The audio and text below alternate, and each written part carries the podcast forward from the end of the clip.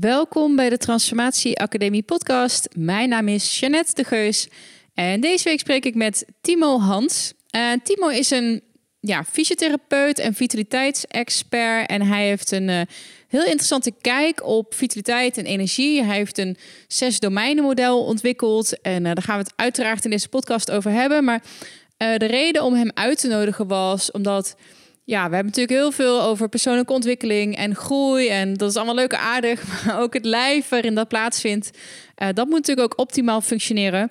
Dus ik uh, vroeg ook aan hem wat ik kan doen om meer energie te krijgen. En het is een heel interessant gesprek waarin we het hebben over onze darmen. Um, bijvoorbeeld ook uh, eczeem, um, de relatie darmen en huid. En ook, we hebben het over intermittent fasting. En iets waar ik bijvoorbeeld zelf al een paar jaar af en aan mee bezig ben, maar dat nu ook weer eh, wat serieuzer heb opgepakt. Um, en ondanks dat ik zelf natuurlijk uh, vanuit Love Fit Food vroeger uh, en mijn eigen opleidingen dacht dat ik best wel wat wist, zaten er heel wat eye-openers en nieuwe inzichten voor me in. die ik nog niet wist. Dus ja, in ieder geval een aflevering die voor mij zeer de moeite waard was. en ik denk ook wel voor jou als dit onderwerpen zijn die interessant zijn voor je. Um, vond je het leuk? Deel dan ook deze aflevering op, uh, in, bijvoorbeeld in de Insta-stories of op Facebook. En dat zie ik steeds vaker en dat vind ik echt heel erg leuk. En het is ook een toffe manier om uh, met elkaar in contact te komen. En ook om de podcast te helpen groeien. En wil je nou echt geen enkele aflevering missen, dan kan je natuurlijk altijd nog eventjes abonneren in je podcast-app. En dan gaan wij snel verder luisteren naar Timo. Wat ik net vergeten was te vertellen in de intro en wat in dit kader ook nog wel relevant is, is dat Timo een, uh, niet zo heel lang geleden een gastblog heeft geschreven bij ons op Love Fit Food. En hij vertelt daarin een aantal tips om om te gaan als jij eh, last hebt van een opgeblazen buik. Iets waar eh, veel mensen toch wel mee rondlopen. Dat hoeft namelijk niet zo te zijn. En dan geeft hem een aantal hele praktische tips. En um, in dat kader is ook de Fitfood 30, dus een 30 dagen mentale, maar vooral ook een lichamelijke reboot, zeker een aanrader voor iedereen die denkt dat hij daarop nog wel wat te verbeteren heeft. Um, de Fitfood 30 start elke maand en informatie daarover kan je vinden op www.fitfood30.nl. Maar nogmaals, uh, met name dat blog van Timo met zijn tips voor mensen met opgeblazen buik is uh, heel interessant en ik zal de link ook opnemen in de show notes van deze week.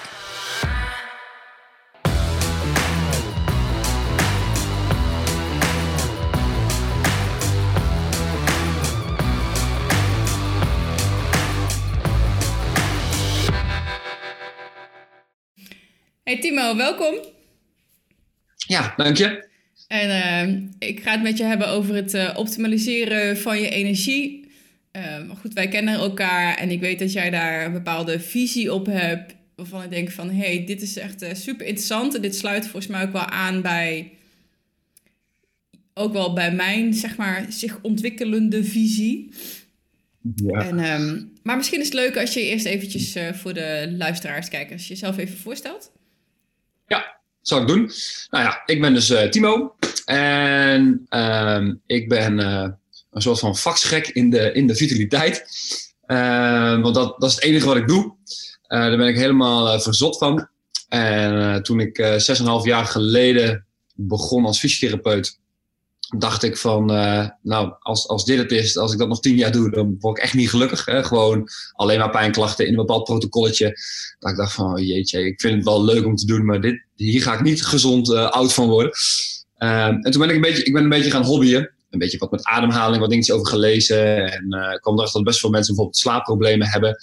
Um, en ik ben iemand die altijd probeert dingen aan elkaar te koppelen. En uh, uiteindelijk werd dat van een hobby uh, best wel een heel serieus uh, product. Ik ging mensen van hun darmklachten afhelpen. mensen met best wel langdurig al slaapproblemen. die bedankten mij van, hé hey man, top, dank je. Ik, ik slaap een stuk beter. Toen dacht ik, oké, maar hier zit echt wel wat in. Toen ben ik dat heel serieus gaan nemen. in die tijd ook opleidingen, cursussen en zelfstudie natuurlijk gedaan. En toen ben ik gekomen tot het zes domeinen model. waarin naast aandacht voor trainen en voor voeding, wat een beetje de meest twee dominante pijlers zijn natuurlijk in, uh, in Nederland. Um, ook heel erg dus kijken naar slaap, ademhaling, stress en het functioneren van het immuunsysteem. Dus om iemand niet meer te bekijken vanuit oké, je moet gewoon je voeding doen, maar om iemand ook te bekijken van nee, laten we eerst gewoon eens heel breed naar iemand kijken. En als die meerdere problemen heeft op die domeinen, dan gaan we ze uiteindelijk allemaal aanpak. En met als doel natuurlijk een optimale vitaliteit voor iemand.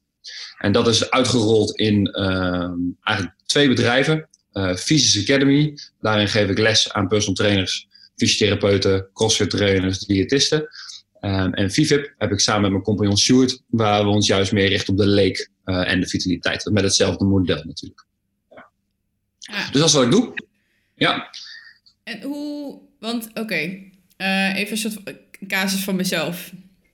Stel dat ik uh, meer energie zou willen, gewoon puur lichamelijk. Hoe gaat dat in zijn werk als iemand bij jou komt? Of als ik bij jou zou ehm, komen? ja, dat begint uh, met een vragenlijst. Uh, een, een, een eerste, ja, die, die vullen mensen zeg maar in voordat ze al komen. Dus ik heb liefst alvast van tevoren wat, wat informatie. En er is een vragenlijst uh, met vragen dus over slaap, een rijtje. Vragenlijst over stress. Nou, over elk domein staan een aantal vragen die ik belangrijk vind. Waarvan ik kan kijken van, hey, heeft iemand waarschijnlijk daar al een, uh, een probleem? Wat, ehm, noem eens, is wat is het voorbeeld van zo'n vraag? Wat, wat is iets wat belangrijk is voor jou, wat dan misschien niet zo heel erg gangbaar is? Um, nou ja, wat je vaak wel hoort als het bijvoorbeeld gaat over um, slaap, is uh, hoe vaak word je wakker, hoeveel uur slaap je, dat zijn een beetje de standaardvragen. Uh, maar wordt iemand bijvoorbeeld wakker met een hoge ademhaling? Uh, wordt iemand wakker met spanning op zijn spieren? Soms hebben mensen heel erg het gevoel dat ze heel gespannen wakker worden. Um, nog vele specifiekere vragen. Um, wordt iemand bijvoorbeeld hees? Krijgt iemand ke keelklachten in tijden van stress? Dat zijn hele specifieke vraagjes. Die als je nou ja, de anatomie en fysiologie van het lichaam heel goed kent, dan kan je daar heel veel informatie uit halen. Dus er zitten een aantal hele standaardvragen in. dus hoe vaak word je wakker? Hoe lang slaap je? Ervaar je stress? Um, en daar zitten tussendoor, eens om de drie vragen of zo, echt zitten hele diepgaande vragen. Uh, waarvan de persoon zelf denkt, nou, ik heb geen idee waarom die vraag. Een beetje, een beetje gek, hè, daar, daar kan ik dan weer uh, wel, wel weer goed mee uit de voeten. Um, en dat gaat dus over in een uh, intake van een uur. Altijd waarin die, die vragenlijst een soort van leidraad is. maar ja, achter een vragenlijst zit natuurlijk een heel verhaal van iemand. Um, nou, en al met al kunnen we dan na, na dat uur eigenlijk altijd wel zeggen van... hey, dit is jouw dominante uh, energievreet, om het maar eventjes zo te noemen. Yeah. Uh, maar heel vaak hebben mensen er twee, drie, vier. Uh, dat, dat, dat ze op allerlei domeinen wel winst kunnen boeken ehm, met de hulpvraag. Want de hulpvraag is meestal toch wel, hey, ik wil, wel, ik wil meer energie. De hulpvraag yeah. is bijna nooit of, uh, of niet, de hoofdhulpvraag, yeah. zo zeggen. Hmm. Interessant. Dus daar, zou, uit die vragenlijst zou dus... Uh, want je, je noemde die zes termijnen in het begin. Ja. En ik vond wel... Uh, daar zat het immuunsysteem bij. En daar heb ik het volgens mij in de podcast ook al wel vaker over gehad. Dat, dat, uh, dat boek wat ik had gelezen... Um, ik denk, hoe kan het eigenlijk dat dat... Want dat is echt super belangrijk... dat dat niet meer mainstream is, denk je? Of... of dat dat... Ja, dat is wel een... Uh uh, dat is ook een beetje de, de niche waar je steeds meer cursussen mee, uh, mee, mee ziet gooien, of steeds meer opleidingen, en terecht ook. Uh, mag inderdaad, het immuunsysteem is eigenlijk een soort van de centrale regelneef van alles. Dus of je nou trainer bent en je wil iemand optimaal laten presteren, of je bent diëtist en je wil iemand laten afvallen. Uh, als je wat weet over het immuunsysteem, ehm, ja, dan, dan weet je van oké, okay, dat is echt heel dominant naar, naar alle aspecten van vitaliteit toe. En Um, er is, ja, dat, ik verbaas me ook wel eens waarom dat niet, niet zo heel mainstream is. Want er is ook gewoon echt heel veel wetenschap over. Je kan echt, echt wereld aan artikelen vinden op allerlei ziektebeelden en allerlei gave uitkomsten. En, um, ja, ik denk dat het nog een beetje te. Nou, nee, dat is helemaal niet waar trouwens. Ik dacht het is een beetje te ingewikkeld, maar dat valt op zich wel mee.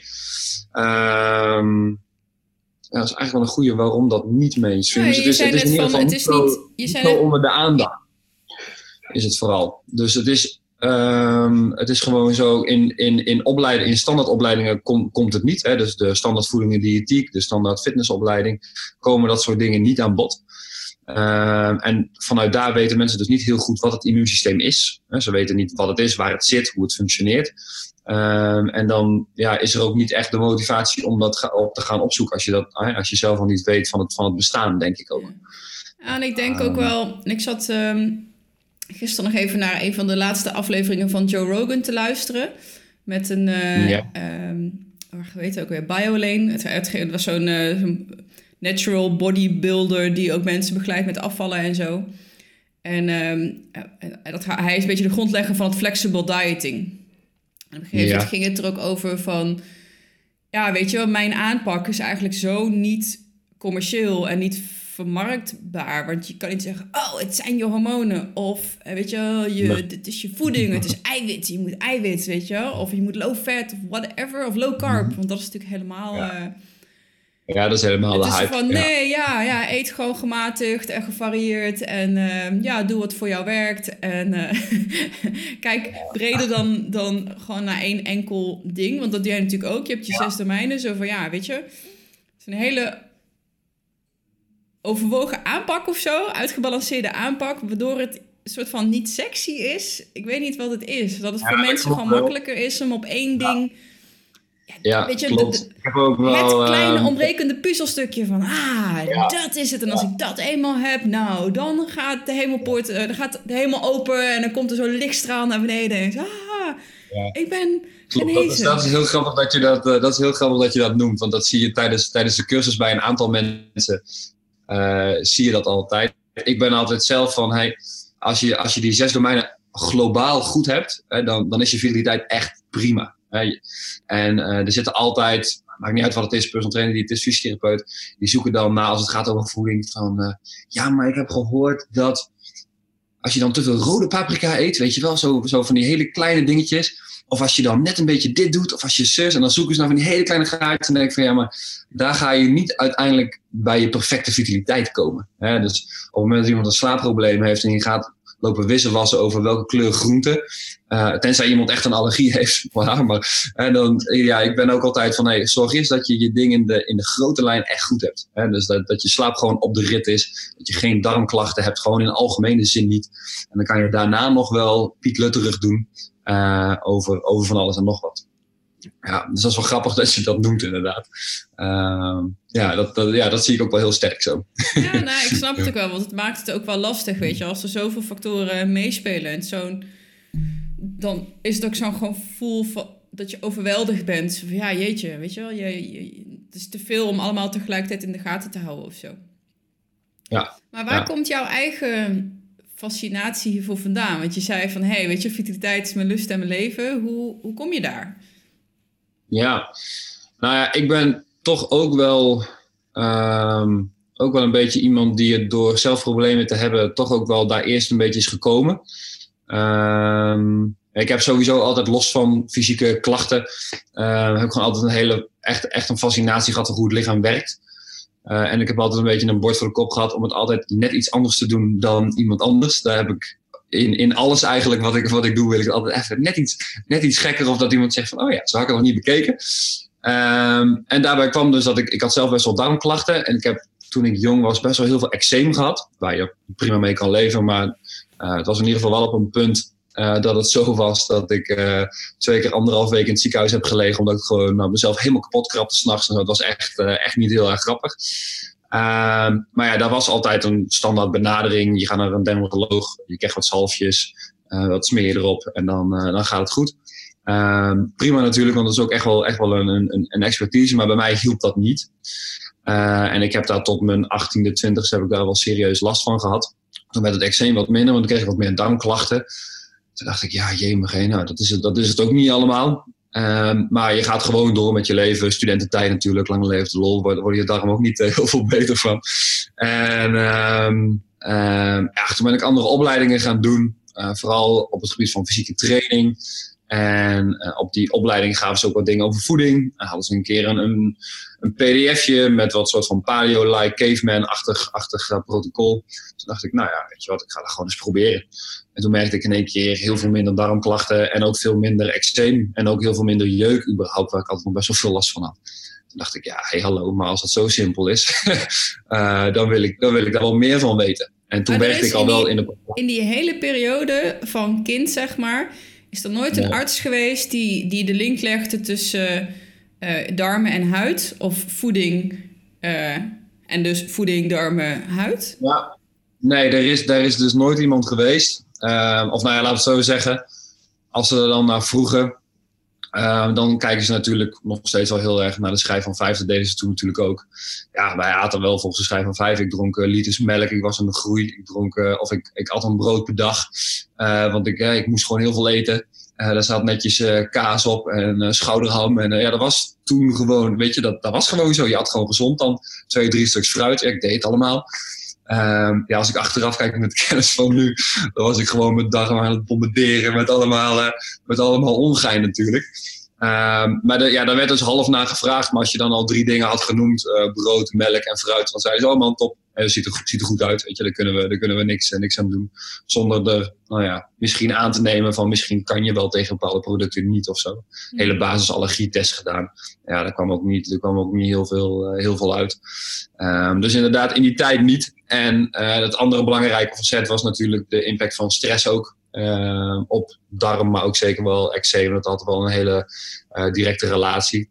Ja, als ik dat op 12-jarige leeftijd uh, aangeleerd had gekregen, had dat wel een hoop narigheid, narigheid bespaard. Maar nee, daar was, daar was helemaal geen, geen aandacht voor eigenlijk. Nee. Kan je die, wel jammer. die relatie tussen voeding, slash, ja, voeding, darmen slash immuunsysteem en, en eczeem, kan je dat eens uitleggen hoe dat werkt? Ja, ja, hoe je van darmklachten eczeem kan krijgen, bedoel je? En ja, want ik denk, ik denk wel, want ik, ja, volgens mij is het nog steeds niet echt heel erg wijd verspreid dat, dat er een link nee. is tussen je darmen en eczeem bijvoorbeeld, hè? je huid of huidklachten. Kan je dat nee, dat klopt. Ja, dat, is, dat is, uh, ja, dat kan ik heel goed. dat, vind, dat vind dat soort dingen. Ja, Hij is zo ja dan, vind ik, dan, word ik, uh, ja, dan, word ik direct, uh, dan word ik direct vrolijk van dat soort dingen. Maar ik, heb, ik heb wel even één of twee vragen nodig en dan, dan ben ik helemaal vrij. Um, ja, nou wat, het, wat het meest uh, belangrijke is in dat verhaal, uh, is dat je hebt drie organen in je lichaam die te maken hebben met het uitscheiden van stoffen. Hè, dus die ervoor zorgen dat dingen die overdag binnenkomen, um, die moeten er ergens weer, of de, dingen die binnenkomen die schadelijk zijn, die moeten er ergens weer een keer uit. Ja. En de drie meest dominante organen die dat primair gezien doen, dat zijn je darmen, je lever en je nieren. je nieren doen dat via de blaas. Uh, nou, met je darmen heeft dat natuurlijk met je, met je uitscheiding te maken. En uh, dat systeem dat werkt natuurlijk continu, dat gaat automatisch, hoeven helemaal niet bij na te denken. Maar je moet het functioneel zo zien dat dat, dat systeem, dat primaire systeem, heeft een bepaalde capaciteit. Ergens, uh, ergens loopt het zeg maar op. En op een gegeven moment dan zeggen ze, hey, wij kunnen 100 uh, dingen eruit halen. Ja, op het moment dat het 120 wordt, we kunnen niet nog harder draaien dan die 100. Ja. Dus die 20, die wordt gecompenseerd eigenlijk door een functioneel systeem. En daar, dat noemen ze je secundaire uitscheidingsmechanismen, die dus pas wat gaan doen als primair vol zit. Dus darmen, lever uh, en nieren draaien gewoon lekker op een volle capaciteit. Die zeggen, nou hé hey, luister, uh, wij draaien 100. Uh, het is inmiddels al 120. We moeten 20 elders kwijt. Even, en die... ik onderbreek je even, want ja. Wat verwerken ze... En dan je hoeft niet super op, op de molecuul, zeg maar, maar mm-hmm. je, zei, je, je uitscheidingssysteem, hoe, hoe werkt het dan? Ja. Want we, we, we, er komen binnen, wat voor dingen komen er dan binnen en wat voor dingen moeten er dan uitgaan? Nou, je krijgt natuurlijk uh, overdag voedingsstoffen binnen. Die moet je binnenhouden, daar zitten, daar zitten nuttige dingen in. Maar je krijgt ook ehm, bijvoorbeeld exotoxines binnen. dus dat zijn schadelijke stoffen van buiten. Ehm, dus ja, dat, eigenlijk is dat alles waar het lichaam niks mee kan. Okay. maar van, en je krijgt, dus je krijgt exotoxines binnen, dingen die inademen door de lucht bijvoorbeeld, waar je niks mee kan. Uh, maar van binnenuit, als een hormoon bijvoorbeeld wordt afgebroken, hè, want je hebt hormonen nodig, nou, om dat te gebruiken moet het afgebroken worden, dan noemen ze dat een endotoxine, dus een schadelijke stof van binnen. Hè, dus iets, iets ontpopt zich van binnenuit. Uh, en ja, op het moment dat dat lichaam dat niet kan recyclen, dan is dat dus ook een lichaamsvreemde stof. En dat mag daar niet blijven. Okay. Um, en dat breekt het lichaam af in stukjes en dan gaat het of via de nier, via de blaasuit of via de darm. Oké, okay, helder. Uh, en dat is wat het hele, de hele dag gebeurt. Um, even kijken, ja, dus die, hè, die primaire die komt dan aan zijn tax. Dus ja. je darm, lever, nieren, die zeggen, nou jongens, uh, volle capaciteit, uh, we hebben over. En dan zijn er dus drie uitscheidingsmechanismes, of organen eigenlijk, die ook uh, schadelijke dingen van binnen weer naar buiten kunnen brengen. Dat zijn je longen. Je kan meer uitademen. Uh, mensen die wat zwaarder metabool belast zijn, bijvoorbeeld, die een hele ongezonde levensstijl hebben, die gaan ook, ook veel meer rotzooi uitademen om dat te compenseren. Uh, maar je slijmvliezen, bij je oor, oog en neus zijn dat ook. Dus als mensen dan regelmatig snotterig zijn, oogontsteking, keelontsteking, oorontsteking hebben, als dat mensen dat continu terugkerend hebben, dan zegt dat eigenlijk, hey, je darmenlever en je nier, die draaien over. En op het moment dat je continu snotterigheid hebt, dan zegt je lichaam gewoon, hey, we moeten het er via daar lozen. Um, en dus de laatste, dat is bij mij de belangrijkste, je huid kan ook uitscheiden. En um, op het moment dat je dus bijvoorbeeld je darm zwaar belast met eten, um, waar, je, waar je darm niet op zit te wachten en die darm die denkt, wow, ik word echt wel flink belast, en dan ga je van 100 al redelijk snel, of je gaat redelijk snel naar die 100, en want je lichaam kan echt heel lang compenseren. Het is niet dat als je een beetje slecht eet, dat je dan direct een probleem hebt. Het gaat echt om mensen die jarenlang in een bepaald patroon zitten. Um, ja, dan, dan stijgt die capaciteit en ergens moet je lichaam dat gaan lozen. En in de loop der jaren wordt het serieus genoeg dat je daar uh, klachten van krijgt. want dat is ook weer niet als het systeem vol zit dat je direct de volgende week de hele week snotterig bent. Of dat het eczeem overal zit. Dat zijn allemaal dingen die, ja, dat loopt uh, weken, maanden, jaren. Uh, en als je daar dus nou ja, factoren aan toevoegt, voeding, um, stress heeft een negatieve impact op de doorlaatbaarheid van de, van de darm bijvoorbeeld. Ja, dan, dan strek je dat lichaam eigenlijk alweer sneller naar zijn capaciteit. S'nachts gebeuren er heel veel dingen om die capaciteit weer omlaag te brengen. Slaap je slecht, weet je, dan ga je weer nog sneller hoog. En daarom hebben al die, al die domeinen impact ja, bijna op elk systeem wat je, waar je het over hebt. Ja. Dus als je dan uh, eczeem kan dan een uiting zijn van een, van een systeem wat zijn afvalstoffen niet goed kwijt kan. Dus ja, op die manier mag je, kan je dat zo uh, zo eenvoudig inderdaad kan je dat, kan je dat het beste stellen. Uh, en dat is wel natuurlijk hoe het functioneel gezien werkt. Want je hebt altijd, uh, maken ze onderscheid, vind ik altijd heel fijn, onderscheid tussen een structureel probleem en een functioneel probleem. En met een structureel probleem ga je naar de dokter, ga je naar de specialist. Um, denk aan reuma, Parkinson, uh, echt, echt problemen die je in bloedwaardes kan zien of die je in het brein kan zien. Um, ja, daar kan je uh, niet zo heel veel meer mee, want dat, is een structureel ding. Uh, en een functioneel probleem is dus bijvoorbeeld zoiets. Hè. Je, bent bijvoorbeeld regelmatig snotterig. Ja, dat is niet een pathologie, dat is niet een, niet een ziekte. Um, en met dat soort dingen, de meeste mensen hebben last van functionele dingetjes. Um, dan kan je dus heel makkelijk met aanpassingen die systemen optimaliseren en uh, verbetering krijgen. Hmm. Wat natuurlijk wel zo is, dat heb ik bij mezelf al wel ervaren, maar dat zie ik in de praktijk ook heel veel dat heel veel mensen een stempeltje krijgen van het is iets structureels. Uh, ik kreeg ook eczeem en dat is gewoon uh, een, een, aandoening en dat zal je altijd houden. Uh, ik merk wel dat ik een, een soort van zwakte hou in mijn lichaam om weer snel een eczeem te krijgen. maar op het moment dat ik al die zes domeinen heel goed op de rit heb, dan heb ik er eigenlijk geen last van. Ja. maar begint er, is, er, is er weer een uitdaging. Ik krijg ergens ergens, ergens heel veel stress van of ik heb een tijdje slechter gegeten, dan merk ik wel dat ik wat sneller weer jeukerig word. Ja. En dan is dat voor mij dan is dat voor mij een signaal van: oké, okay, Timo, je moet weer even eventjes gaan, eh, gaan, eh, gaan, gaan, gaan uh, opletten, bijvoorbeeld. En dat zie je ook wel met bijvoorbeeld reuma. Genoeg mensen met reuma die dan hele stijve vingers hebben. Hè, dat al die afvalstoffen die, die kunnen zich daar dan op een bepaalde manier ook opslaan. Ja, die slapen dan heel slecht en die eten heel slecht en die gaan dat optimaliseren. En die zeggen: Oh, ik voel me echt veel soepeler. Altijd eigenlijk. Nou, dan moet je afvragen, één, heb je dan de juiste diagnose? Of kan je dus ook een uh, structureel probleem best nog wel heel positief beïnvloeden uh, door gewoon de basisdingen goed te doen. Uh, en dat is wat je in de praktijk, of wat ik in de praktijk heel veel zie. En je zei net, ja, ik vind het echt super fascinerend. En ondanks dat ik jou al regelmatig gesproken heb, hebben we het hier nog nooit over gehad. nee, klopt. klopt. Ja. Dus dat, ja, ook echt heel interessant. En ik heb bijvoorbeeld zelf uh, IBS, ik weet prikbare darm, ja. gehad als kind toen ik 15 was. Of in ieder geval toen ik 15 was, werd dat gediagnosticeerd. Het is weet je, ja, dat is met jou, met die stempel eczeem. Van jou, ja. de huisarts zegt, ja, je kan er gewoon honden mee worden. Maar uh, ja, het is gewoon een ongemak ja. en uh, succes ermee. En eet veel vezels, uh, eet veel brood ja. en um, let op stress. Maar zou, dat, zou jij hetzelfde adviseren als iemand bij jou komt met prikbare darm? Nee. Nee, als iemand bij mij binnenkomt met een prikkelbaar darmsyndroom, uh, afhankelijk van wat voor soort persoon het is. Uh, maar ik begin altijd al redelijk snel met: hey, luister, de stempel uh, prikkelbare darmsyndroom. Ehm, dat is ook medisch gewoon zo. Hè? Op het moment dat er een syndroom achter staat, uh, dan is het een, een aaneenschakeling van symptomen hè, waar mensen last van hebben, die ze nog niet uh, helemaal kunnen verklaren vanuit bloedonderzoek of vanuit wat ze op een MRI zien of wat dan ook.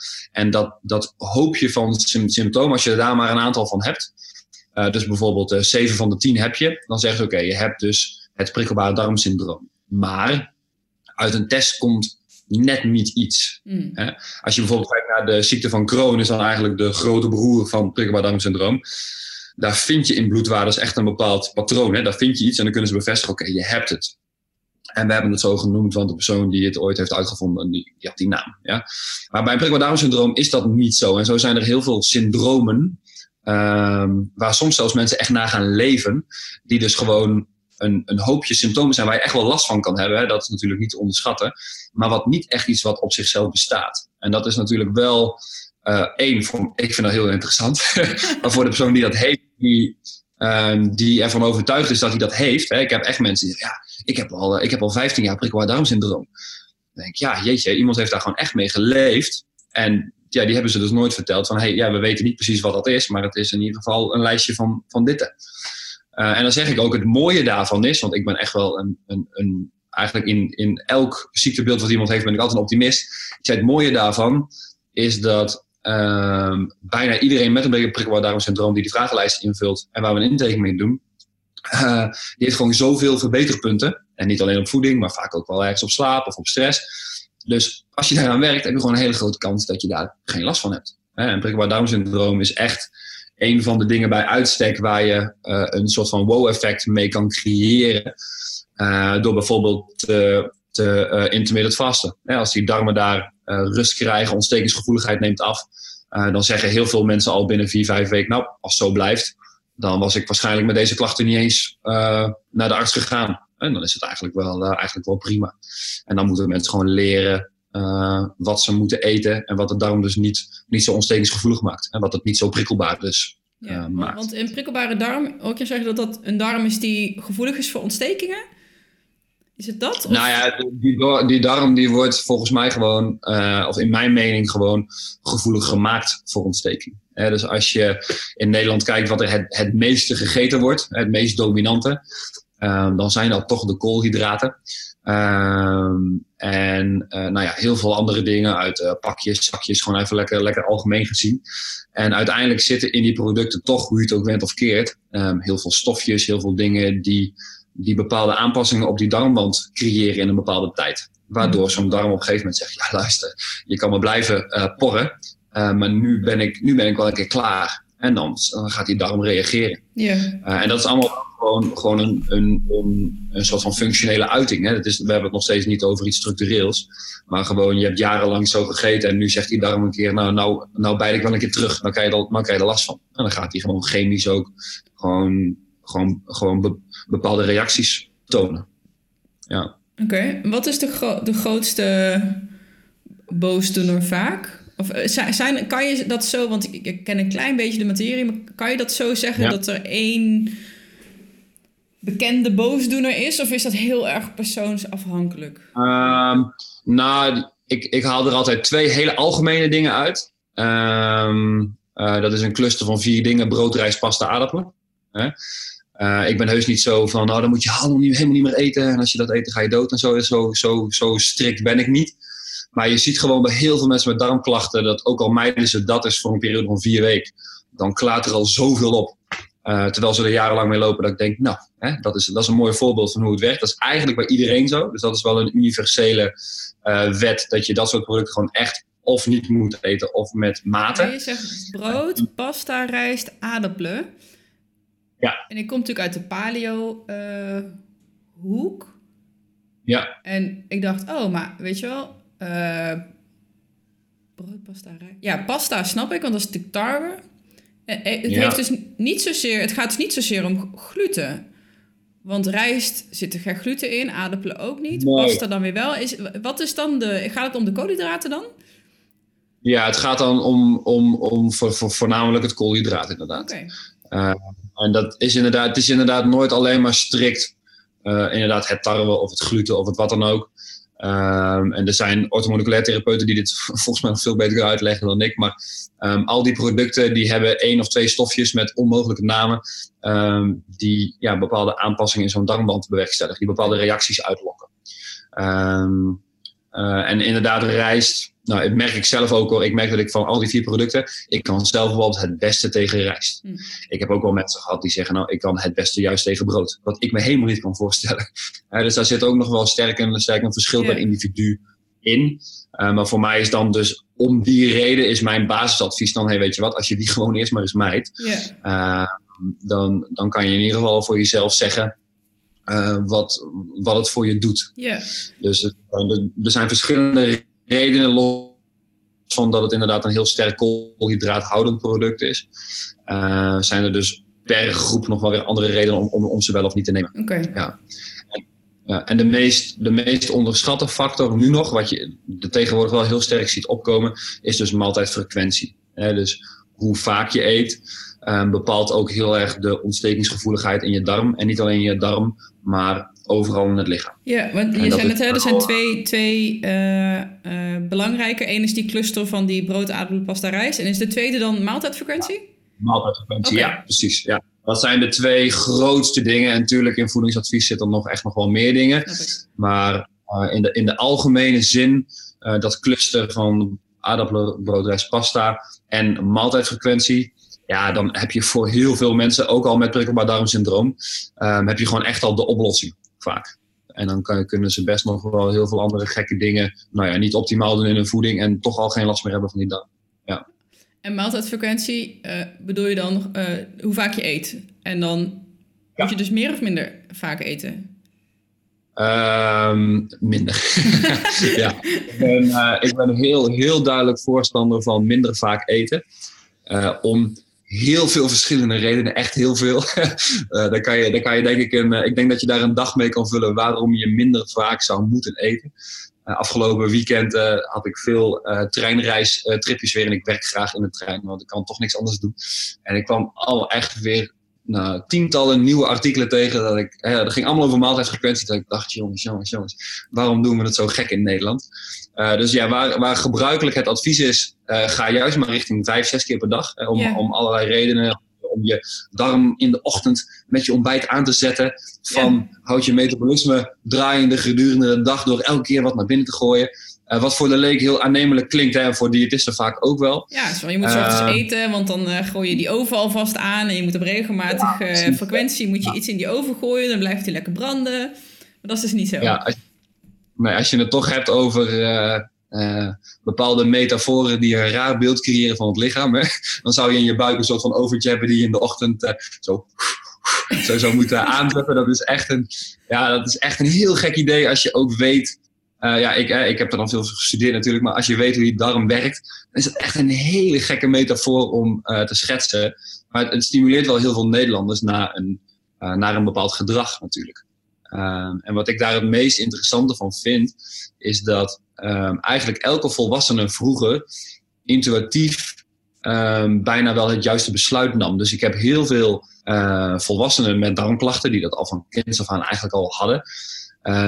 Die vonden het als kind eigenlijk verschrikkelijk om te ontbijten. Uh, die hadden dat liever niet, dan voelden ze zich het lekkerst. Nou, dat, dat, dat, dat zegt natuurlijk al iets. Die darm die wil gewoon langer nuchter zijn, dus vrij, vrij van voeding. Uh, maar die ouders, goed bedoeld en wel natuurlijk, hè, uh, dat zeker. Die hebben altijd gezegd, ja maar luister, ontbijt is het belangrijkste moment van de dag. Juist als je darmklachten hebt, dan moet je die darmen aan, aanzetten. Uh, dus je moet ontbijten. En die hebben dat ook meegekregen als een van de belangrijkste lessen. En die zijn dat dus ook gewoon stug blijven doen, de meeste in ieder geval. Yeah. En op het moment ik of een cursist of wie dan ook ze vertelt van hé hey, luister, je hebt darmklachten, laten we je maaltijdfrequenties omlaag houden en we gaan eens een paar keer juist ontbijt overslaan. Dan staan ze bijna te springen op de stoel, maar dan, ja, ze hebben dat gedrag natuurlijk 20 jaar lang, uh, 30, 40 jaar lang aangeleerd. Uh, en dan zegt in, in ieder geval uh, één iemand die zegt een keer, hey, weet je dat het eigenlijk heel gezond is om je ontbijt uh, te overslaan. Nou, dat is echt wel een, een, een, mega inzicht voor heel veel mensen. Van hey, vroeger als kind wou ik het al niet en mijn lichaam zei al eigenlijk van ik, ik zit er helemaal niet op te wachten. Ehm, en dan blijkt daar toch ook in één keer best wel onderbouwing voor te zijn. Dat is natuurlijk wel, uh, ja, dat vind ik heel grappig om dat in de praktijk te zien. En hoe, hoe werkt dat dan? Dus ehm, hoe, hoe, hoe, doe je dat dan als je zegt van oké, ik wil minder vaak. Waarom zou je dat doen? Ja, je zei dat ik kan er een dag mee vullen, maar misschien de belangrijkste redenen om het, uh, ja.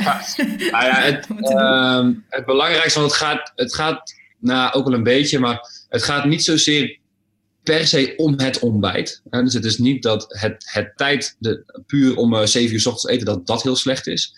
Maar um, het gaat ook een stukje om, om een praktische indeling. Dus wat je hebt in de darm, um, je darmwand, uh, je darm begint te reageren op het moment dat je eten binnenkrijgt. Hè? Of dat je het ruikt, um, of dat je het ziet zelfs soms ook al. Hè? Dus als je in de supermarkt langs broodjes loopt, dan, begint je, uh, dan, dan word je al wat wat meer speeksel aanmaken, krijg je in je mond dat soort zaken. Die weten al van, oh, dat kon wel eens naar binnen komen, dus we moeten ons voorbereiden.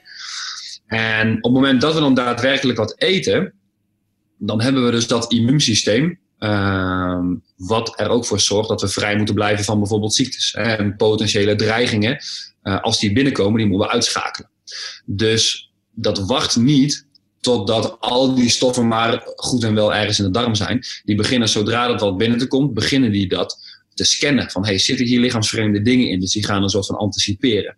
Dus elke keer dat we wat eten, dan uh, begint dat immuunsysteem te werken. En dat, ja, dat, dat, is, dat is heel goed dat het dat doet. Dat moet ook. Dat moet niet, uh, niet uitgeschakeld uh, raken. Maar je kan je voorstellen als je dat vijf, zes, soms wel zeven keer per dag hebt.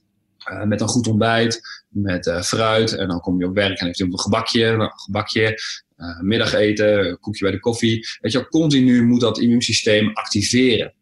Um, en dat principe noemen ze je um, PPIR. Um, dat is een Engelse afkorting. En die term staat voor je post-prandial inflammatory response. In het Nederlands is dat gewoon je ontstekingsreactie die optreedt na het eten. En een ontstekingsreactie klinkt slecht, maar dat is echt een van de belangrijkste ontstekingsreacties die we in ons lichaam hebben. Dat is normaal, iedereen heeft dat. Um, als je dat niet hebt, dan ga je denk ik redelijk snel dood ook. Ik denk niet dat je dat uh, lang overleeft. Maar um, ja, dat, is dus, dat geeft dus aan van hey, na een maaltijd heb je een bepaalde ontstekingsreactie in je darmen, puur van het verwerken van het eten en van het activeren van het immuunsysteem. En die PPIR, die duurt ongeveer 16 uur na een goede maaltijd. Dus dat is echt een hele lange tijd. die darmen die zijn daar die zijn al lang mee bezig. En als je dan dus kijkt naar ons huidige uh, voedingspatroon, vijf, zes keer uh, per dag eten, dan ben je dus nooit in je 24 uur, 24-7 cyclus, je bent nooit helemaal vrij van dat kleine beetje ontsteking. Yeah. En we hebben het niet over ontsteking dat je spontaan rood wordt en warm wordt en dat soort dingen. Uh, want dat kan je lichaam heus wel goed, goed, goed binnenhouden. Maar je bent daar nooit helemaal uh, vrij van. En je ziet dat in de praktijk eigenlijk direct. Dat op het moment dat mensen één of twee weken lang. Uh, stel je geeft een heel basisadvies, wat, wat bij intermittent fasten dus uh, veel wordt gedaan. Eet ehm, drie keer per dag. dus alleen maar ochtend, middag en avond. Dan heb je in ieder geval tussen je maaltijd al veel meer rust. En drie of vier keer per week ga je je ontbijt overslaan. En wat je dan dus creëert, hè, als je vanaf 6 uur s avonds, 7 uur s avonds niet meer eet, dus laat je ontbijt over, dan ben je in ieder geval een paar keer per week langer dan 16 uur nuchter. En je ziet daar echt um, heel veel gebeuren, puur in de praktijk aan de persoon zelf. Die merkt al veel meer rust in de darmen. Uh, in de eerste week misschien af en toe een beetje dizzy, omdat je een tijd lang zonder eten bent, moet je lichaam moet daar weer even een beetje aan wennen. Maar op het moment dat dat er eenmaal is, zeggen mensen, oh, ik voel me eigenlijk wel scherper als ik niet ontbijt. En als ik hoe langer ik nuchter ben, hoe, hoe gefocuster ik ben en hoe lekkerder ik me voel. Mensen krijgen veel meer energie. Uh, dat is natuurlijk ook heel belangrijk. Uh, en ja, van binnen, uh, onderzoek laat dat ook zien. Uh, dat hoe langer mensen vasten, hormonaal gezien, gebeurt er van alles. Op ontstekingsgevoel niveau gebeurt er van alles. Allemaal in positieve zin. En daardoor ben ik er zeker van overtuigd dat we juist gemaakt zijn om minder vaak te eten in plaats van juist meer kleine beetjes. Ja, dus dat hele de, de dag door dat grazen, wat we eigenlijk uh, doen. Hè, wat, je, ja, wat je zei, een, koffie, een koekje bij de koffie hier en, en een hapje daar. En dan loop je ergens voorbij een schaal en dan pak je wat. Eigenlijk de hele dag door die kleine beetjes. Dat is dus eigenlijk, als je het vanuit de darmen bekijkt, het slechtste wat je kan doen. Ja, als je een beetje fan bent van je eigen darmen, ja. uh, dan, dan, dan, dan wil je dat niet. Nee, dan wil je inderdaad, als je, als je darmen het echt mogen, mochten bepalen, uh, en ze zouden niet afgeleid raken door alles wat we aan overvloed aan voedsel in onze maatschappij hebben, dan zouden ze zeggen, hey, weet je wat, eet maar lekker uh, af en toe eens twee keer op een dag. misschien zelfs wel gewoon een keer helemaal 24 uur lekker niks en dan de dag daarna veel meer. Ehm, en gewoon minder vaak grote, grote porties. Okay. Ja, dat zou je darm. Het klinkt heel tegenstrijdig, want je zegt, uh, uh, dus op het moment dat je langer dan 16 uur nuchter bent, dat mensen merken dat ze meer energie krijgen als ze bijvoorbeeld intermittent fasting gaan doen, dus dat ontbijt overslaan. Dat is best wel raar, want dat klinkt heel tegenstrijdig, want je zou verwachten dat je heel zwak, ziek, misselijk wordt. Van, moet toch eten, want in eten zit energie. Ja, ja, en het meeste wat ik, wat ik mijn klant ook altijd uitleg, want dat krijg je natuurlijk heel vaak terug, dat mensen zeggen, ja luister, ik moet er energie in stoppen om uh, energie te voelen. Ja. en dat klopt ook. Hè? Je kan dit niet, uh, je kan niet een week lang, ja, je kan een week lang nuchter blijven, denk ik wel fysiek, maar daar ga je uiteindelijk niet beter van voelen. dus het gaat ook wel inderdaad om het, om het stukje van wanneer ga je wel eten, wanneer ga je niet, eten.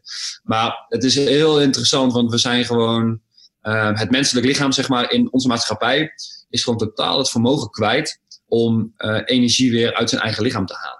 En het mooiste voorbeeld is de bloedsuikerspiegel. Dus op het moment dat heel veel mensen eh, een uurtje, anderhalf uur niks eten, dan worden ze vaak al een beetje narrig en een beetje minder gefocust, een beetje hangry, hè, zoals ze dat in veel uh, blogs en dat soort dingen. Heel, heel veel mensen kunnen daar heel goed, uh, zich, zich heel goed in vinden. En het is ook heel logisch, want op het moment dat we een hele hoge maaltijdfrequentie hebben, dan kunnen we op dat moment alleen maar koolhydraten gebruiken als brandstof. Ja, dat, dat, is, dat is de optimale vorm. Want het is toch altijd aanwezig. En op het moment dat je een beetje hangry bent, dan vraag je om energie en dan pak je naar je liga, je appel, je ding, je, je salade, maakt het niet uit wat het is. En dan wordt het lichaam weer voorzien. En op het moment dat we dat jarenlang doen, dan is het lichaam dus ook totaal afhankelijk van onze bloedsuikerspiegel. Dus de glucose, de koolhydraten die we binnenstoppen, dat is wat we gebruiken. Terwijl één, we hebben in de lever uh, nog een aanzienlijke voorraad liggen van glucose. Mhm. Die bij heel veel mensen niet aan bod komt. Hè. Heel veel mensen trainen niet het systeem om daar hun energie weg te halen. Omdat we er gewoon, uh, ja, we vragen er niet naar. Hè. Je moet echt even een tijd schaarste creëren, dus niet eten. Uh, zodat je lichaam moet denken, hey shit, we krijgen hier geen energie binnen. Hebben we nog een backup? En de eerste backup is dan de glucosevoorraad in de lever. Um, ja, mensen trainen dat niet omdat we continu toch wel wat eten. En um, dus glucose kan je binnenkrijgen direct door eten en gebruiken. Als mensen dat systeem gebruiken, worden ze dus hangry. Nou, dat is uh, denk ik 90% uh, eh, van, de, van de Nederlanders zijn dat zeker. Zou je dan als experiment een half uur lang gewoon zeggen: hey, weet je wat, ik ben eens eigenwijs, ik ga niet eten. Dan gaan mensen ook wel merken dat ze, zonder dat ze gegeten hebben, van hangry, dus toch uh, naar uh, nou ja, weer meer scherp te gaan. Waarom? Uh, je lichaam laat zich niet zomaar kennen. Het lichaam zegt: Oké, je hebt dus even geen eten. Zou een beetje gek zijn als het lichaam er dan mee ophoudt. Dus we hebben in de lever ook nog glucose voor nou, in ieder geval 10 tot 12 uur. Ja, ligt daar nog genoeg opgeslagen. En dat is dan zeg maar een soort van backup 1, waar je gewoon prima op kan draaien. We hebben het nog steeds over gewoon glucose. En de laatste bron die ook nog natuurlijk is om aan te spreken, zijn natuurlijk vetten. En dus op het moment dat dat glucosesysteem uh, nou ja, op is, dan zegt het lichaam, ja, oké, we kunnen er nog steeds niet zomaar mee stoppen. Uh, volgende backup, wat in ieder geval nog gewoon normaal is om te doen, is vet verbranden. En daar kan het lichaam nog steeds heel lang op draaien. Nou, mocht je dat uit, uh, mocht je daar voorbij zijn, dan ga je nog je eiwitten opbranden. Maar dat zijn mensen die echt chronisch ziek zijn. Hè, die echt, nou ja, dan, dan ben je echt bedlederig, heb je lang niet gegeten.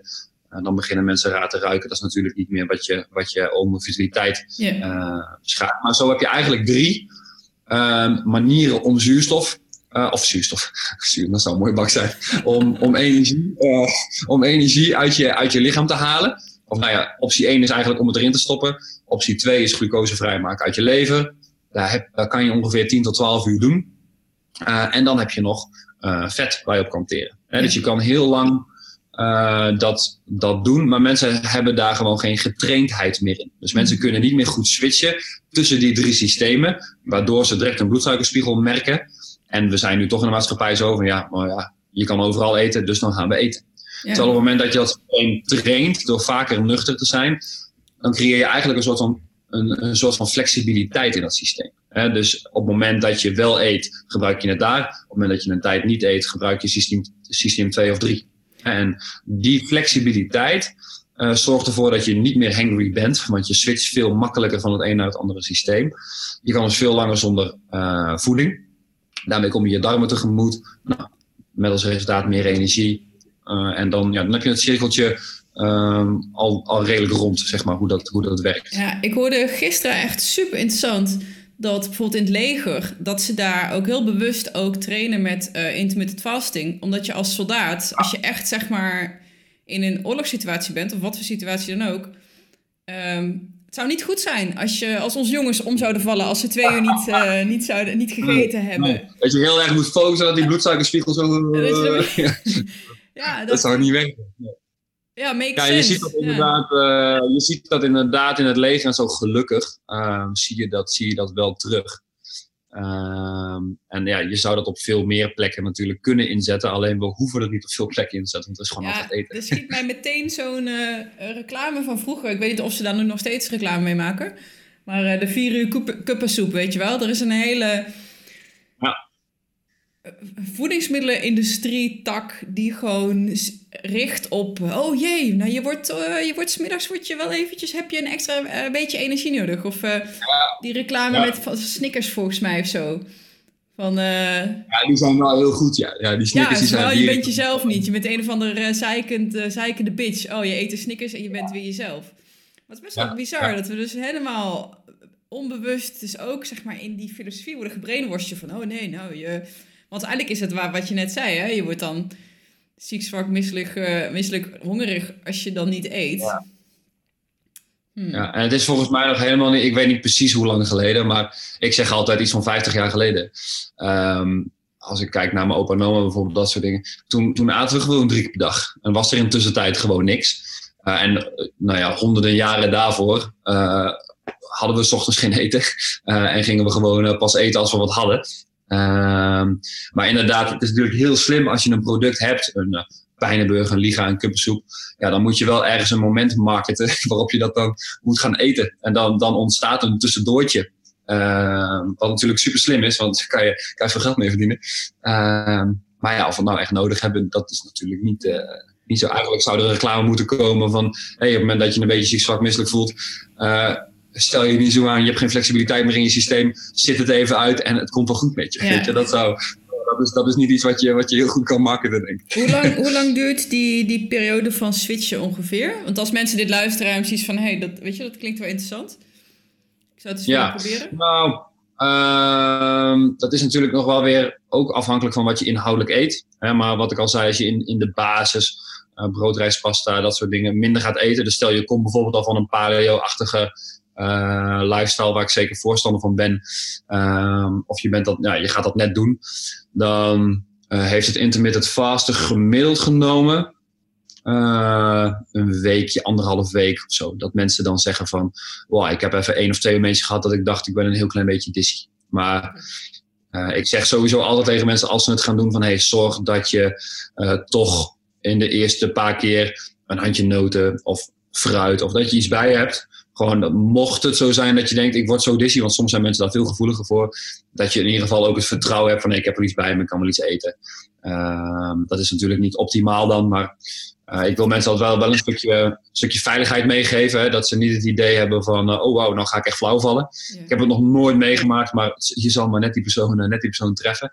Maar ja, er zijn 99% van de mensen die zeggen binnen een week, god, ik had echt gedacht dat het onmogelijk was. Maar het gaat zo makkelijk. Dat is echt het, de grote lijn van de mensen die dat, uh, die dat zeggen. En je zegt dan uh, 16 uur. En als je dan om uh, eh, 6 uur, nou stel dat je om 7 uur uh, klaar bent met eten.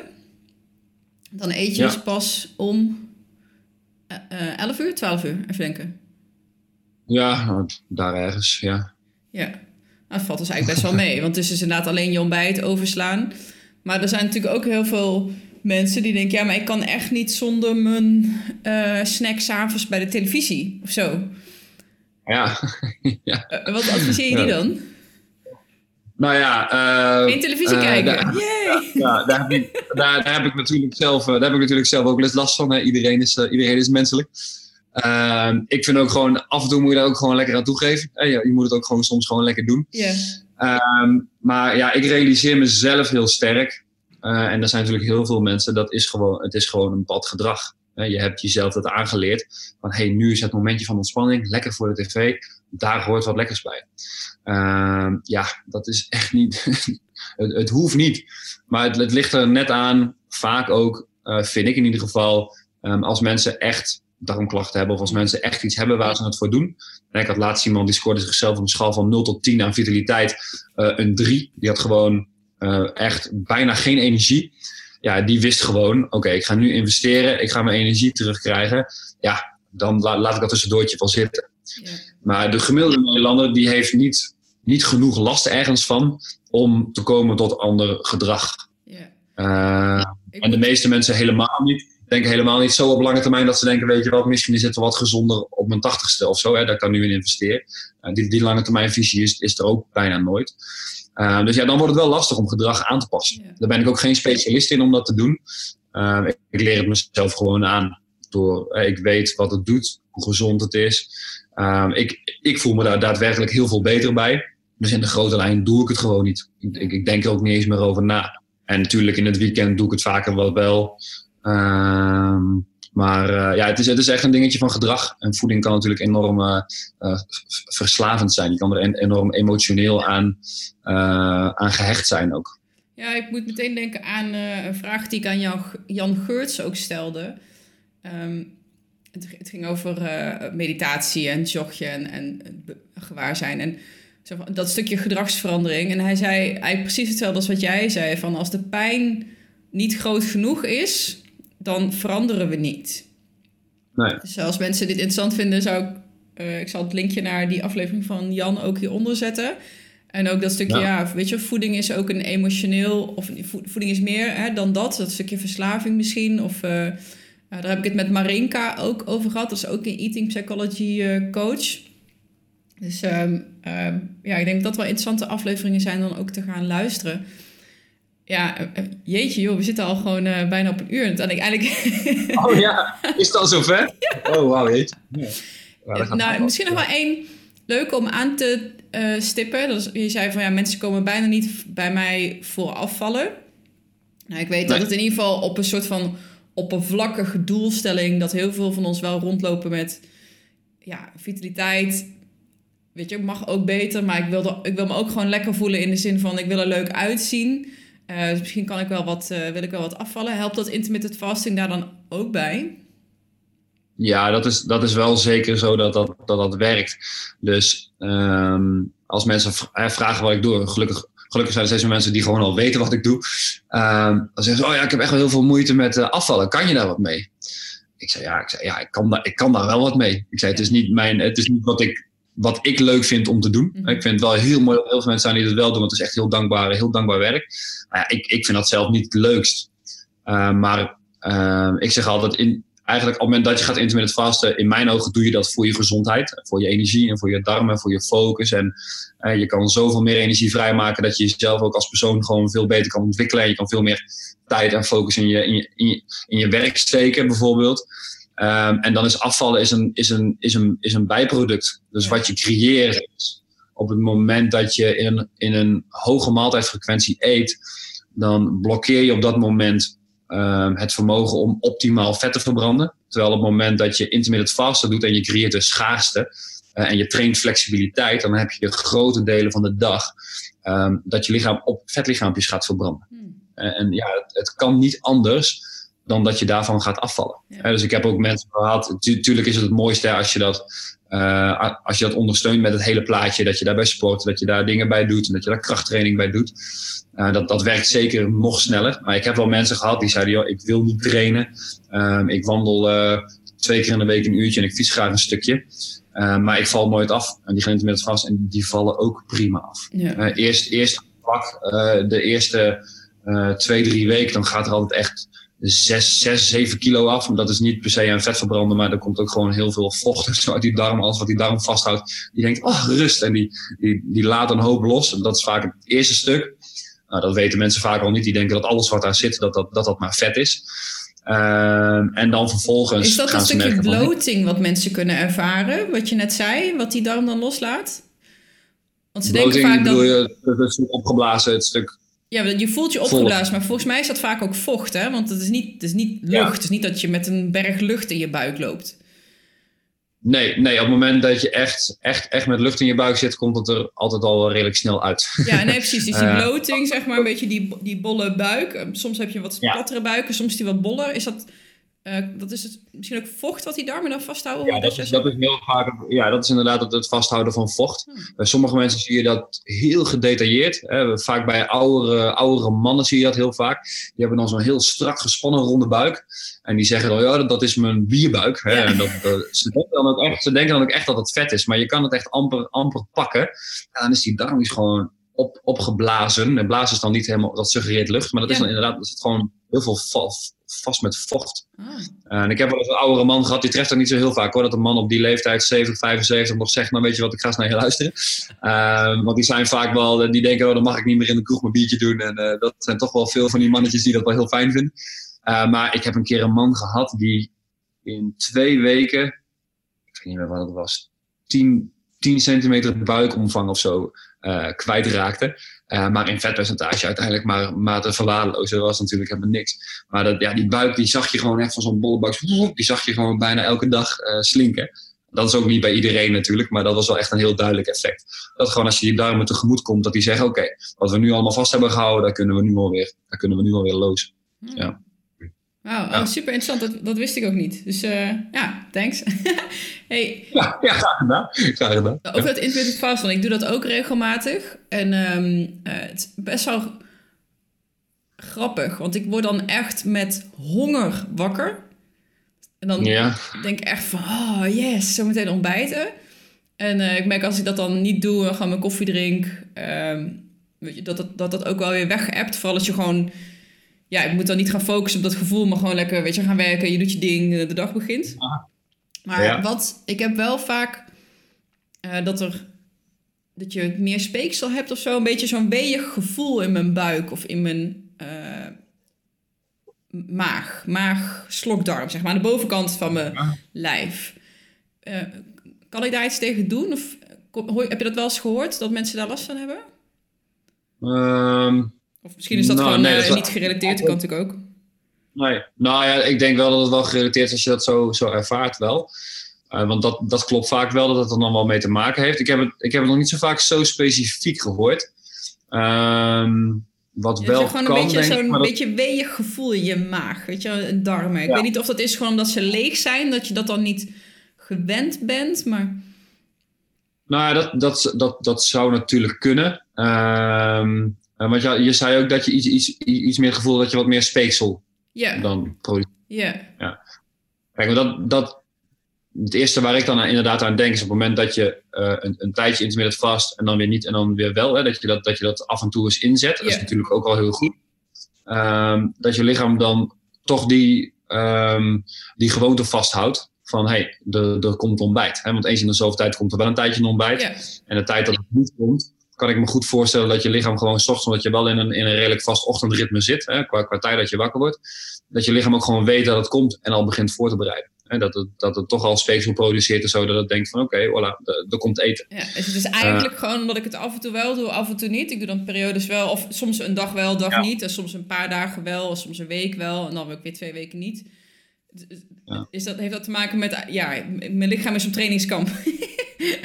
nou, nou dat, zou, dat, dat, dat, is het meest logisch wat ik me kan voorstellen. Wat dan in de praktijk wel zo moet zijn, want dat moet dan natuurlijk ook kloppen.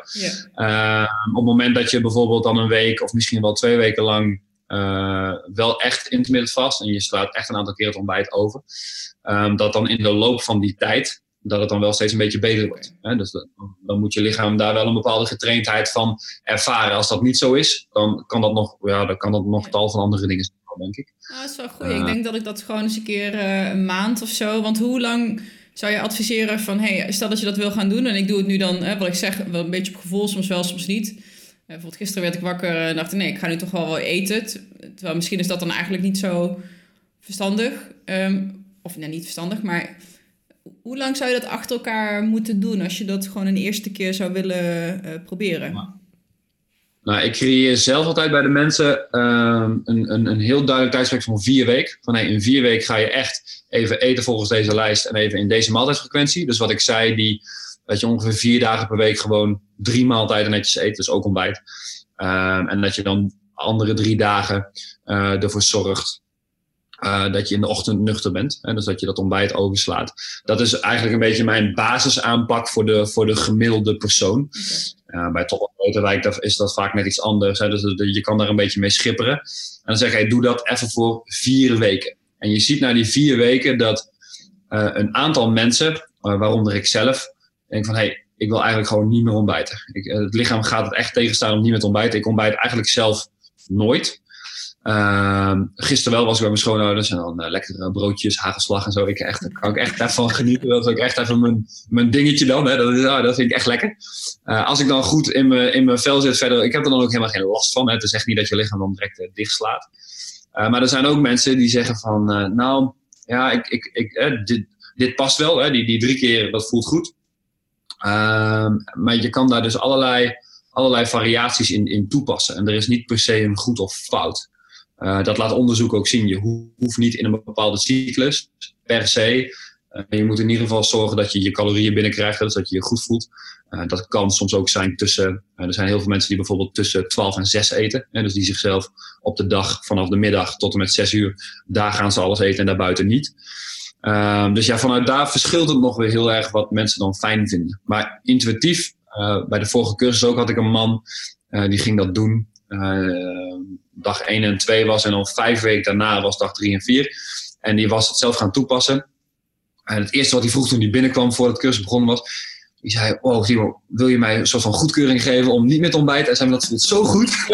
en toen zei ik, nou, dan hoor jij in mijn categorie. Ik zei, jij bent dus inderdaad blijkbaar geen ontbijter. Ja, die vielen inderdaad ook als, als de vleet af, heel veel energie. Uh, maar er waren inderdaad ook mensen die zeiden, nou, dit voelt wel goed. En er waren ook mensen die zeiden, ja, ik mis mijn ontbijt nog wel. Um, ja, en dan is het ook soms een stukje nog langer trainen. Hè, dat je lichaam dat niet meer nodig heeft, die, die, die prikkel, echt die eetprikkel. Um, en zo heb je dus daarvoor ook ja, verschillende uh, cycli eigenlijk om maaltijden te eten. Mm. Maar ik hang het liefst nooit op aan cycli. Het moet, gewoon, het moet goed voelen. Yeah. En dat, meestal gaan mensen op hun gevoel wel uh, de, de juiste keuze maken wat bij ze past. En dan kan je prima een paar keer in de week ontbijten. Het is niet dat ontbijt in één keer slecht is. Uh, maar een aantal keer per week. Ik heb toch het liefst altijd dat mensen drie, echt wel drie keer per week langer dan 16 uur uh, niks eten. Dat ja. is wel een beetje de. Ja. Oké. Okay. Hey, en ik uh, was aan het meeschrijven. Je zei die, die, die, die zes domeinen die jij bekijkt, die dan hè, je energie, waar we mee begonnen, die je energie bepalen. Dus voeding hebben we het over gehad. Nou, we hebben de andere niet echt besproken, maar voeding, slaap, stress, immuunsysteem, ademhaling. Ik wist er één. Heb ik niet goed onthouden. Wat, was die, wat is die nummer zes? voeding, stress, uh, zo kan ik hem nooit zo goed terughalen. Oh, tra training waarschijnlijk. Of niet? Trainen. trainen. Ja. ja. Ik, heb dan, ik heb dan het domein geen, geen trainen genoemd, maar bewegen. Oh, ja. uh, dat vindt de personal trainer natuurlijk gigantisch smerig. uh, maar het, on, onder bewegen valt, valt natuurlijk ook trainen. maar niet, niet, iedereen die ik begeleid is een, is een fitnessbeest en hoeft dat ook niet te worden. En ik vind ook niet dat, dat, dat iedereen dat moet. Uh, dus daarom heb ik het domein bewegen genoemd, uh, zodat het nou ja, klopt. En want ja, je hoeft niet allemaal het snot voor je ogen te trainen vijf keer in de week om, om vitaal en gezond te, of om je vitaal en gezond te ervaren natuurlijk. Ja, ja. maar dat is inderdaad het, het, het zesde domein. Ja. Hey, en ja, jij geeft hier cursussen over en je begeleidt mensen individueel, klopt dat? Ja, dus als mensen daar meer over willen, of die hebben precies van hé, hey, het triggert wat, uh, of ik heb misschien darmklachten. Uh, hoe kunnen ze jou, uh, waar kunnen ze jou vinden, bereiken? nou, ik split dat altijd inderdaad in tweeën. Dat gaat natuurlijk nooit helemaal, maar dat is wel de algemene lijn. als mensen zelf klachten hebben en ze hebben zoiets van: oké, nou, dan, dan, mag nog wel een keer iemand naar kijken.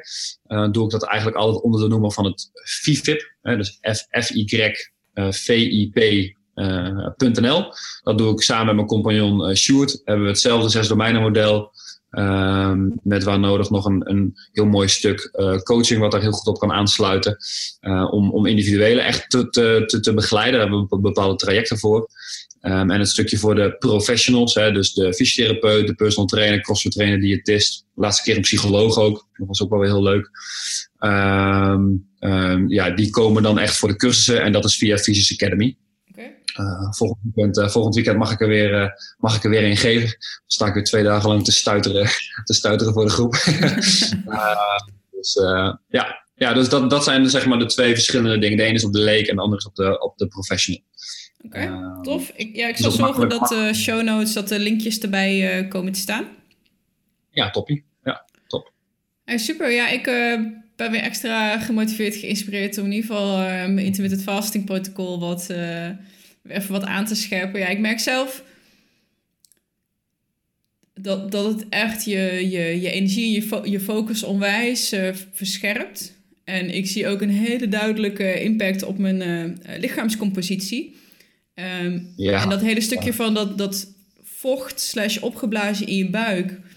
Denk ik, ja, dat is inderdaad wat er bij mij gebeurt. Maar ik had me er eigenlijk nooit zo bij stilgestaan dat dat, dat, dat daarmee te maken... Ik dacht altijd dat het iets was in een bepaald soort voedingsstof. Maar ik denk nu dat het niet eh, of gluten of whatever is, omdat het gewoon puur dat is. Dat die darmen gewoon even rust willen hebben en dus daarna alles los gaan laten. Want het effect is bij mij is best wel groot. Ja. Ja, dat is wel eh, een eye-opener. Dus dankjewel daarvoor. Ja, gedaan, ja. wat je daarvan ziet is wel een goede, dat is wel een heel interessant dingetje nog om even kort te vertellen. Um, je ziet inderdaad vaak dat mensen met prikkeldarmsyndroom wel een soort van, soort van intolerant zijn tegen bepaalde producten. Het is niet een echte allergie dat het helemaal dichtslaat, maar wel dat, het, dat ze merken van nee, als ik dat eet, dan triggert dat. En dan zetten ze dat eigenlijk op een lijst van dan ga ik nooit meer eten. Terwijl op het moment, dat vind ik altijd heel interessant, als mensen een bepaalde tijd intermittent vasten, dus dat echt voor een, voor een periode doen. En ze gaan die producten die ze eigenlijk op die lijst hadden gezet waar ze niet goed op reageren, gaan ze toch weer een beetje terugnemen. Uh, dan merken ze dat ze daar eigenlijk helemaal niet meer zo op reageren. Ja. Omdat de darm bepaalt ook waar je tolerant tegen bent en niet. En wat voor reactie je daarop hebt. Um, en dan kan het wel zo zijn dat je tijdelijk ergens niet tegen kan. Maar als je darm gewoon heel goed georganiseerd is, dat je in bepaalde mate prima uh, tegen bepaalde producten. Dat is echt een gigantische takeaway. Want er zijn zoveel mensen die, uh, dan, ik eet dat nooit mee, dat nooit mee, want uh, dan voel ik me X, Y, Z. Terwijl als je van, hey, gun die darm gewoon af en toe regelmatig rust. Met dat, dat PPIR wat jij noemde, dus dat die, die, die kleine ontstekingsreactie, dan wordt die beter georganiseerd. en ik merk dan van ja, nu kan ik eigenlijk gewoon alles eten. En als het gaat over, ja. uh, want je zei, ik ben niet de beste in het stukje, de, de, de, het aanleren van dat veranderend gedrag. Als het gaat over mindset. Het is veel makkelijker om te beseffen, ik mag alles eten. Met af en toe uh, maaltijden overslaan, wat langer nuchter zijn. Dat is makkelijker. Veel makkelijker, want daar heb je eigenlijk geen wilskracht voor nodig. Dan te zeggen van, uh, oké, ik ga wel die, die, die ik eet gewoon, maar voedingsstof X, Y, Z mag ik nooit meer. Want vaak, weet je wel, suiker. Want ik, ik merk ook wel dat mijn darmen reageren op uh, als ik uh, te veel suiker heb gegeten, bijvoorbeeld. Maar ja. weet je wel, of nooit meer uh, tarwe of nooit meer gluten, dat is hartstikke restrictief in je voeding zelf. En het is veel fijner om gewoon te zeggen: ik eet alles, alleen ik eet gewoon minder vaak. voor mij althans, maar misschien is het ook wel persoonlijk, merk ik dat dat. Dat geeft zoveel meer rust, want dan hoef je niet spastisch te doen rondom je eten. Ehm, en dan pak je het gewoon ja, op die manier aan. Ja, ik zou wel ja, dat, ik dat, eerder had geweten, maar goed. Ja. maar het maakt ook wel, wel een stuk... Um, ja, dat, ja, dat geeft ook een stuk, stuk meer plezier vaak voor mensen. Dus precies, het, want eten is ook gewoon fun, weet je wel. Je wil ook gewoon die... Tuurlijk, je wil je gezondheid optimaal hebben en alle micronutriënten binnen hebben. Maar je wil ook gewoon lol en een ijs en pizza, weet je. En vooral als je dat met... Je, ik, ja. ik was van de week in Londen van het weekend. En dan gewoon gezellig samen een pizza delen, weet je wel. En we liepen langs een... Ja, het chocoladebonbon Walhalla, waar ze allemaal... Uh, uh, ja, zelfgemaakte chocoladebonbons en zo hadden. Van die lange tafels, die kon je langslopen en dan kon je zelf je eigen zakje vullen. En dat is helemaal hip, echt in uh, Shoreditch, hartstikke hip dan wil je dat ook gewoon doen en ervan genieten. Ik kan me niet voorstellen dat ik daar loop van, oh ja, shit, ja, nee, maar er zit uh, dat in, dus dat mag ik niet, weet je wel. Of uh, ja, die pizza is leuk, maar hebben ze ook iets wat uh, paleo-proof is? Zo van, ja, oké, ja, Dus op, op die manier, dat geeft zoveel plezier en vrijheid en rust. Terwijl ik dan toch weet van, hé, hey, maar ik heb een andere manier om mijn darmen en mijn lijf, zeg maar, ook tevreden te houden. Ja, dat is wel fijn hoor. Zelfs, ja, zelfs, zelfs bij echte pathologie, hè, dus bijvoorbeeld de, de uh, ziekte van Crohn, waar meerdere mensen mee, uh, mee begeleid. Die zeggen dan natuurlijk niet direct na vier weken van, oh, ik kan nu veel meer eten. Maar ik heb bijvoorbeeld een keer een man gehad, uh, ziekte van Crohn, echt heel veel last, heel weinig energie, heel veel darmklachten. Die zei ook, als ik nu met vrienden ga borrelen, hij zei, ik neem Spa Blauw. Hij zei, want één bitterbal en één biertje en ik heb gewoon twee dagen lang totaal last van mijn darmen. Daar gaat echt helemaal nergens over ja, daarmee begeleid. En dat ging bij hem super goed in die, in die eerste vier weken. Zo energiek, zoveel afgevallen, voelde zich helemaal top. Um, is dus nu ook zo dat zijn bloedwaardes en ontlastingwaardes bij de specialist gewoon bijna niks meer uitwijzen. Op dit moment in ieder geval. Al, al, al een jaar of zo. En die zegt van als ik dus nu een avond uh, uh, borrel. Hij zei dan kan ik prima een aantal bitterballen en een aantal biertjes. En als ik dan de volgende ochtend maar gewoon even nuchter ben. Ik ga ook even even nuchter een stukje hardlopen of zo. Hij zei ik gewoon nergens last van. Weet je? En dat voor hem ook, zelfs met een echte pathologie, echt met een, een, probleem. Hij houdt zijn energie helemaal goed. Hij kan dus eens in de, nou ja, twee weken, maand, kan hij gewoon echt even lekker uit de band springen. Hij kan er dus ook echt van genieten. En dat is dan nog het belangrijkste. En hij weet ook van, hé, hey, ik moet dan de volgende dag even een beetje opletten. Dus ik moet even niet gaan ontbijten en ik moet eventjes gaan rennen, even zweten en uh, even, even wat doen. Maar dan, maar dan ben ik er weer. En dat geeft natuurlijk voor zo iemand ook weer de mogelijkheid om van dat soort dingen te genieten. Ja, uh, levensvreugde en kwaliteit van leven. Want vitaliteit is natuurlijk ook gewoon kwaliteit van leven. Ja, heel erg. Heel erg. Dus ja, dat zijn gewoon hele gave dingen. Dat dat zelfs op dat soort ja, structurele aandoeningen, dat dat gewoon echt kan. Dat is wel echt heel gaaf. Ja. Top. Nou, mooi. Hey, uh, Timo, dankjewel voor deze... Ja, we hebben de tijd goed, uh, goed weten te vullen. Ja, we, we kunnen nog over slaapstress... Nou, misschien moeten we... Hebben nu vooral over voeding gehad. Misschien moeten we maar gewoon wat uh, podcasts inplannen... voor elk van de andere domeinen nog. dat je daar wat tips over kan geven. Nou, weet je wat? Dat gaan we gewoon doen. ja, cool. cool. super interessant. Dus uh, dankjewel. En tot de volgende keer dan. Ja, graag gedaan. Superleuk om te gast te zijn in je podcast. Dankjewel.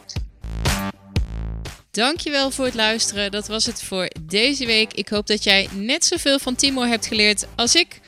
En de Transformatie Academie podcast is een productie van 12 Waves. En 12 Waves, dat is een, eh, een training. Die kan je ook online volgen, maar ook eh, in real life, eh, workshops of in company. En wat het biedt is persoonlijk en zakelijk leiderschap en effectiviteit. Vooral voor mensen die als je merkt van goh, ik wil graag dingen anders doen. Ik heb dat sprankje inspiratie, motivatie, dat heb ik gehad. Al dan niet van een spreker als een Michael Platchuk of een Tony Robbins. Je, je, je wil graag die verandering. Maar hoe ga je dat dan daadwerkelijk in de praktijk waarborgen? Um, als je daar tegenaan loopt, neem dan eens even een kijkje op www.12, dus 12 uitgeschreven, uitgeschreven streepje waves.nl voor meer informatie. En nogmaals, reviews, uh, delen, donaties, abonneren. Voel je vrij om um, whatever suits your uh, needs om mij te bedanken. En uh, graag tot volgende week.